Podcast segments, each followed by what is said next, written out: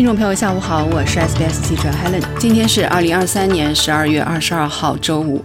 圣诞新年假期即将到来，首先预祝您节日愉快。今天依然由我为您带来最新的 SBS 新闻快报。本期内容包括：联邦政府为昆州洪灾提供六千四百万澳元支持；圣文森特医疗机构遭遇黑客入侵；捷克发生有史以来最严重大规模枪击事件，至少十四人死亡。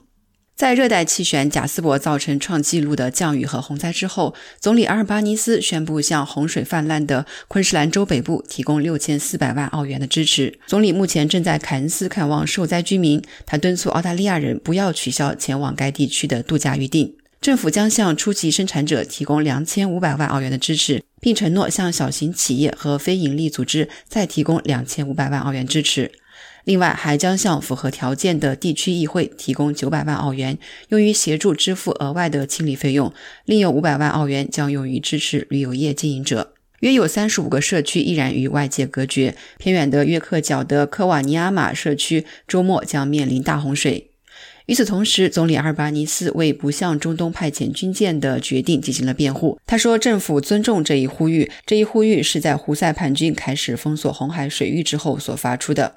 胡塞武装组织的行动受到了伊朗的支持。他们称此举旨在声援巴勒斯坦人。虽然澳大利亚将向该地区派遣海军人员，总理驳斥了来自反对党领袖达顿等人关于澳大利亚政府在提供帮助方面出力不够的批评。阿尔巴尼斯说：“华盛顿很高兴看到澳大利亚优先考虑其在印太地区的作用。”澳大利亚最大的非营利性医疗和老年护理服务提供商圣文森特医疗集团表示，他成为了网络攻击的受害者。该机构在一份声明中说，他在周四及十二月二十一号晚些时候发现黑客侵入了他的系统，窃取了网络数据。据称，紧急调查已经启动，目前尚不清楚哪些数据被删除。该医疗机构表示，此次事件并未影响圣文森特医疗集团在其医院、老年护理、线上和家庭医疗网络中提供常规服务的能力。捷克发生了该国有史以来最严重的大规模枪击事件后，政府已经宣布全国哀悼一天。一名二十四岁的捷克学生枪杀了自己的父亲，随后在其所在的布拉格大学里杀死至少十四人，打伤二十五人，最后可能是开枪自杀。捷克总理彼得·菲拉特表示，目前仍在确定枪击动机，但不会将其视为国际恐怖主义行为。布拉特说：“这次可怕的袭击没有任何正当理由。”他说：“请允许我向所有遇难者的亲友表示最深切的哀悼。